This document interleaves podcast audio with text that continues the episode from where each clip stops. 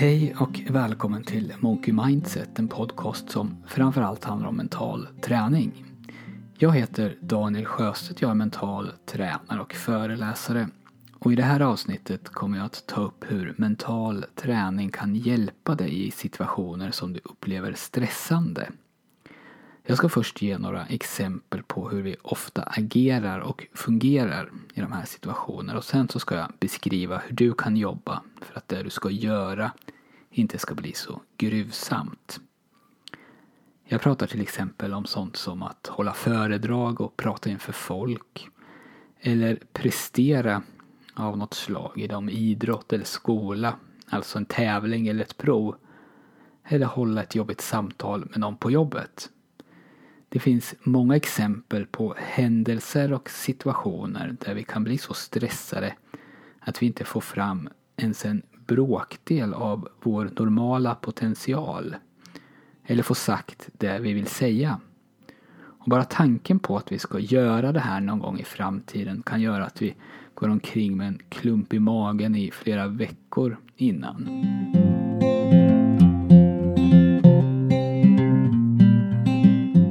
Det finns några saker att ha i åtanke. Det första det är att du, när du befinner dig i det här stressade tillståndet, inte kommer att kunna tänka dig fram till en lösning.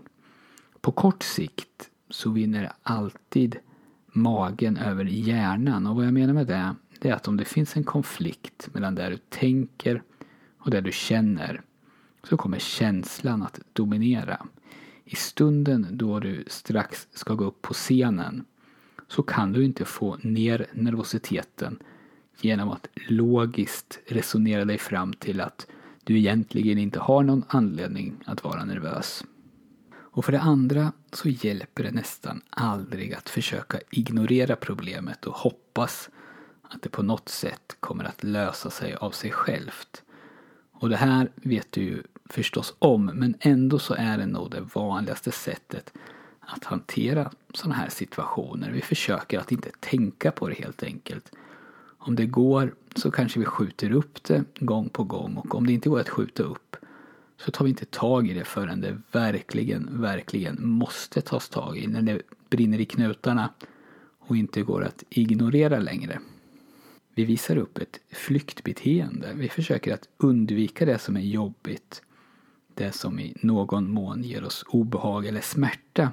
Och det leder ofta till att vi skapar ännu mer obehag och smärta. Om vi till exempel skjuter upp ett jobbigt samtal så har vi ju det ändå över oss. Vi tänker på det och oroar oss för det. När vi skulle kunna ta tag i det direkt och få det gjort för flera veckor sedan. Och sen kunnat gå vidare. Det kan ju också leda till allvarligare konsekvenser. Om vi oroar oss inför ett föredrag på jobbet så kan den oron leda till att vi inte ens vill ta tag i förberedelserna. Vi vill inte påminnas om det här och vi försöker att låtsas som att det inte existerar. Och i slutändan så leder ju det här till att vi är sämre förberedda än vad vi skulle kunnat vara. Att prestationen inte blev så bra som den borde. Eller resultatet på provet inte blev så bra som jag var kapabel till. Att jag inte visar mig från min bästa sida. Att jag inte ger mig själv chansen, helt enkelt.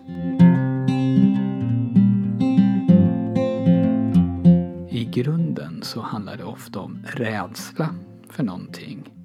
Och vår naturliga reaktion när vi känner rädsla, det är att gömma oss eller fly. Det är så djur oftast beter sig och det funkade bra även för urtidsmänniskan. Rädslan då, den var ett slag att flykt var det naturliga och oftast rätta alternativet. Nu ser våra rädslor lite annorlunda ut och oftast är det bästa alternativet inte att gömma oss eller fly. Det kan vara svårt att vid en första anblick ens förstå vad man är rädd för. Är det att stå på scen eller är det vad dina medarbetare kommer att tycka om dig efteråt? Du kan också vara rädd för att få reda på var du egentligen står. Speciellt om du har en personlighet som lätt drar paralleller mellan hur du presterar och hur mycket du är värd som människa. Du knyter alltså en stor del av din självkänsla till din prestation. Då kanske du skjuter upp pluggandet till tentan för om du pluggar så mycket som du borde och ändå inte når upp till det resultat du vill så är du rädd för att du kommer se dig själv som misslyckad. Så undermedvetet struntar du i att plugga för då lever i alla fall din självbild kvar i ditt eget huvud. Du kan rationalisera dina halvtaskiga resultat med att du egentligen inte försökte. Och den här bilden av dig själv som du vill ha eller som du tror att andra har av dig den finns kvar. Du har bara inte plockat fram den ännu. Du är så rädd för att det du gör ska bli dåligt. Alltså så som du definierar dåligt och det kan vara allt annat än helt perfekt. Du är så rädd så att istället gör du det inte alls. Eller så saboterar du för dig själv genom att skjuta upp eller strunta i att förbereda dig så att resultatet av det du gör inte representerar den verkliga du. I ditt eget huvud. Alltså, för den som råkar ut för det här, alltså den som rättar tentan eller lyssnar på ditt föredrag, då är ju det här beteendet snarare en väldigt stark indikation på vem du egentligen är. De flesta av oss har stort tålamod med den som verkligen försöker men inte lyckas fullt ut. Vi har mindre tålamod med den som inte försöker eller som ständigt kommer med bortförklaringar på varför någonting inte blev så bra som det kunde bli.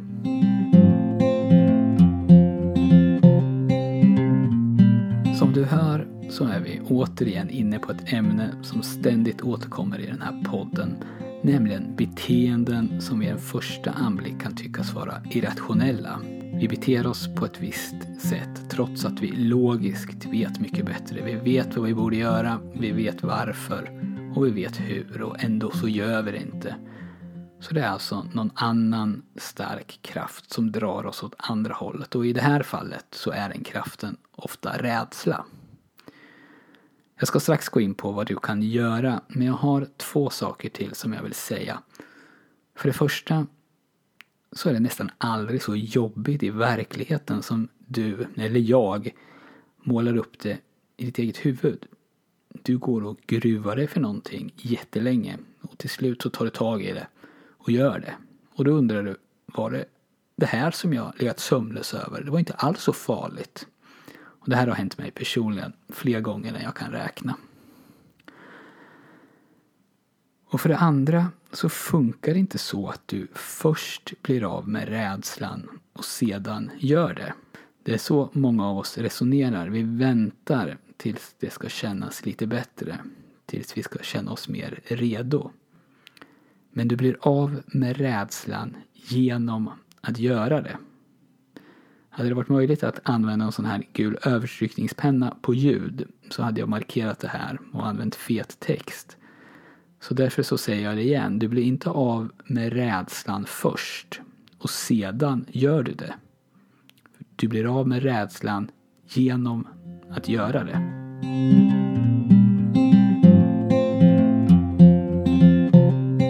Så vad kan du då göra åt det här? Och här kommer ett bra exempel på hur vi inom mental träning arbetar både med det yttre, det praktiska och det inre, det mentala. För till stor del så tror jag att du redan vet svaret. Och jag har inga glömda eller gömda hemligheter att dela med mig av. Utan det handlar om att förbereda, repetera och så att försöka rigga situationen till din fördel så mycket som möjligt. Inte nödvändigtvis till din fördel i förhållande till någon annan utan till din fördel på så sätt att du kan använda dina styrkor och känna dig så bekväm som möjligt. Vad du strävar efter det är att skapa en känsla av kontroll. Du vill kunna känna att du har kontroll på situationen och då kommer du att upptäcka att din stressnivå minskar dramatiskt.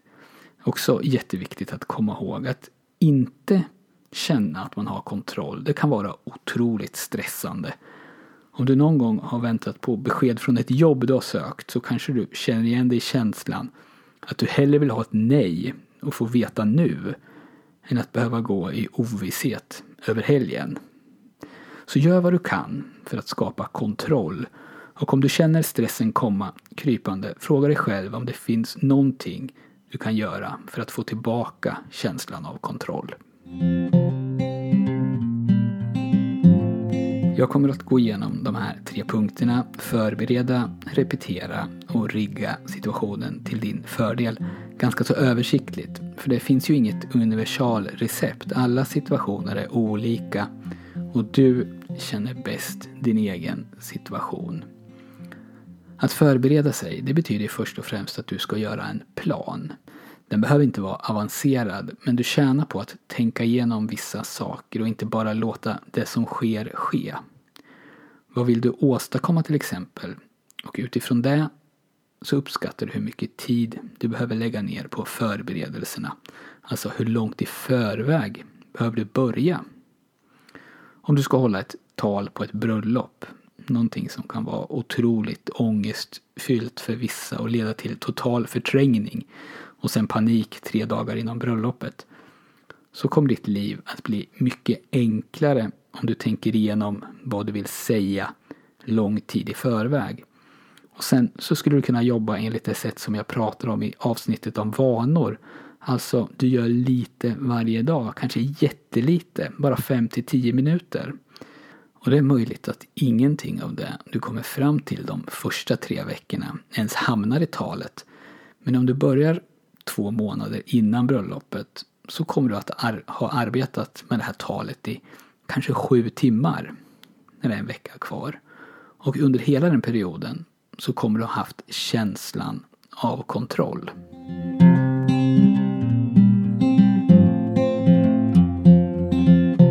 Nästa punkt är repetition. Och det kan ske på två sätt och jag tycker att bägge sätten är lika viktiga. För det första så kan du ju repetera genom att göra det som du känner stress inför flera gånger innan du ska göra det i skarpt läge. Repetera en föreläsning högt för dig själv till exempel och kanske till och med köra föreläsningen för familjemedlemmar eller kompisar. Det här är jätteviktigt och jag tror att många underskattar hur mycket repetition som krävs för att någonting verkligen ska flyta. En tumregel för föreläsare det är att repetera en timma för varje minut av föreläsningen. Det kan tyckas som enormt mycket tid. Men det funkar och återigen så skapar det en stark känsla av kontroll. Man känner att jag kan det här. Och det är förstås bra att repetera i en miljö som på så många sätt som möjligt liknar den miljö där du ska göra det skarpt. Och ju mer du repeterar desto lättare har du också att hantera oförutsägbara händelser. Men i alla lägen så går det ju inte att repetera så här. Du är stressad över en situation som du inte vet hur den kommer att utspela sig kanske. Som du inte har fullt ut kontroll över. Då kan du i alla fall repetera på det som du kan kontrollera.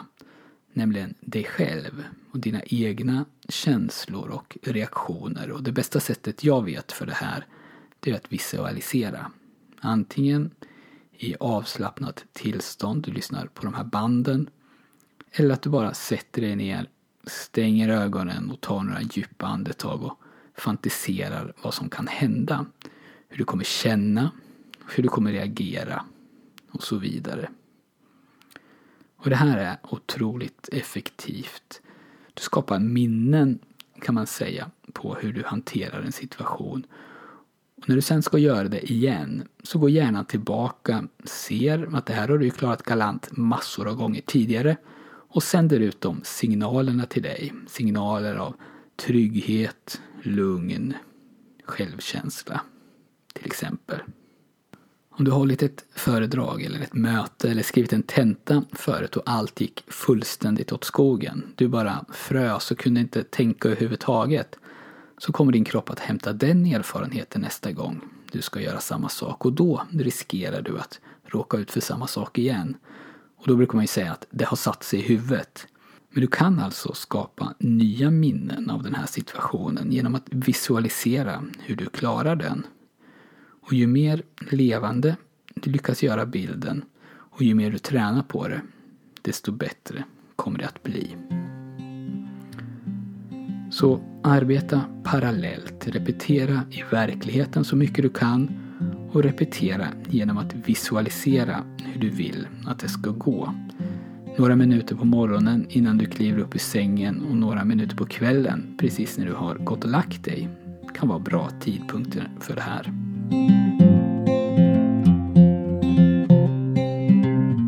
Att rigga systemet till din fördel, det handlar om att du gör allt för att göra det så enkelt som möjligt för dig själv att lyckas. Om du känner dig trygg, om din mamma är där och du ska hålla ditt livs viktigaste tal. Flyg då in din mamma och se till att hon sitter i publiken. Nu drog jag det här kanske till sin spets men det finns säkert saker som du känner att du borde göra och som skulle kunna göra dig mer bekväm. Men som du kanske tycker är löjligt eller är rädd att andra ska tycka är löjligt. Kolla på idrottare. De skapar ju känslan av kontroll genom olika ganska irrationella ritualer. Någon kanske tar på sig vänster sko först. Någon måste sparka till på soptunnan eller någon måste gå ut på planen i en viss ordning. Och ofta så kan det här handla om att du ger dig själv lite extra trygghet. Att du till exempel skriver ut ord för ord exakt vad du vill säga. Även om du planerar att prata utan manus så har du manuset på armlängds avstånd. Och bara det faktum att du har manuset i fickan kanske gör att du inte behöver använda det. Själv så inleder jag nästan alltid mina föreläsningar på samma sätt. Oavsett ämne egentligen. Jag har fem minuter eller så som jag skulle kunna göra i sömnen som jag tror skulle gå automatiskt även om jag var satt under väldigt hård press. För mig så är det jätteviktigt att få en bra start och genom att göra så här, genom att alltid starta på samma sätt, så har jag nästan garanterat det.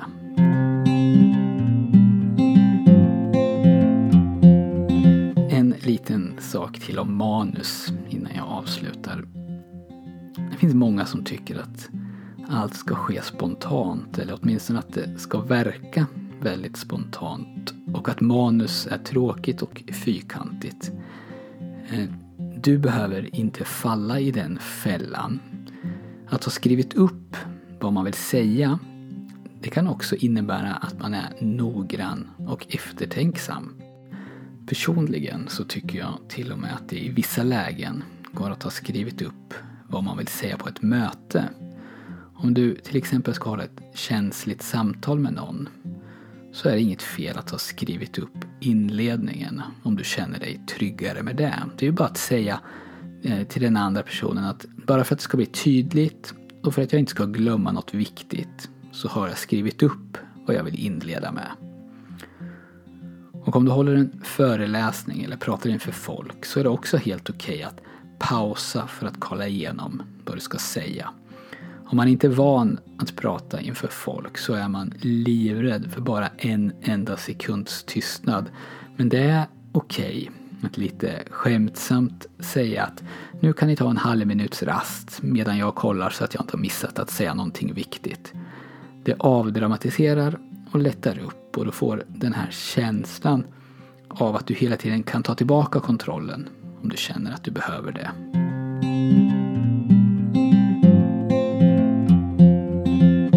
Så för att sammanfatta.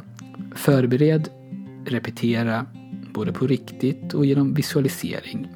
Och försök att göra det så lätt som möjligt för dig själv att lyckas. Sträva efter att skapa känslan av kontroll då är väldigt mycket vunnet. Stress och rädsla, det är någonting som vi alla känner. Och, och, om du väntar på att bli av med de känslorna innan du gör någonting så kommer det nog aldrig att bli gjort. Utan det är genom att göra det som du kan hantera de här känslorna och bli av med dem. Det här blev ett lite längre avsnitt än vanligt. Jag hoppas att du har fått några nya idéer av det jag har sagt. Och du vet väl att du kan få det som du behöver för att komma igång med mental träning av mig och det kostar ingenting. Om du går in på min hemsida www.monkeymindset.se och signar upp dig för mitt nyhetsbrev så skickar jag dig de fyra ljudband som ingår i min app som heter mental träning.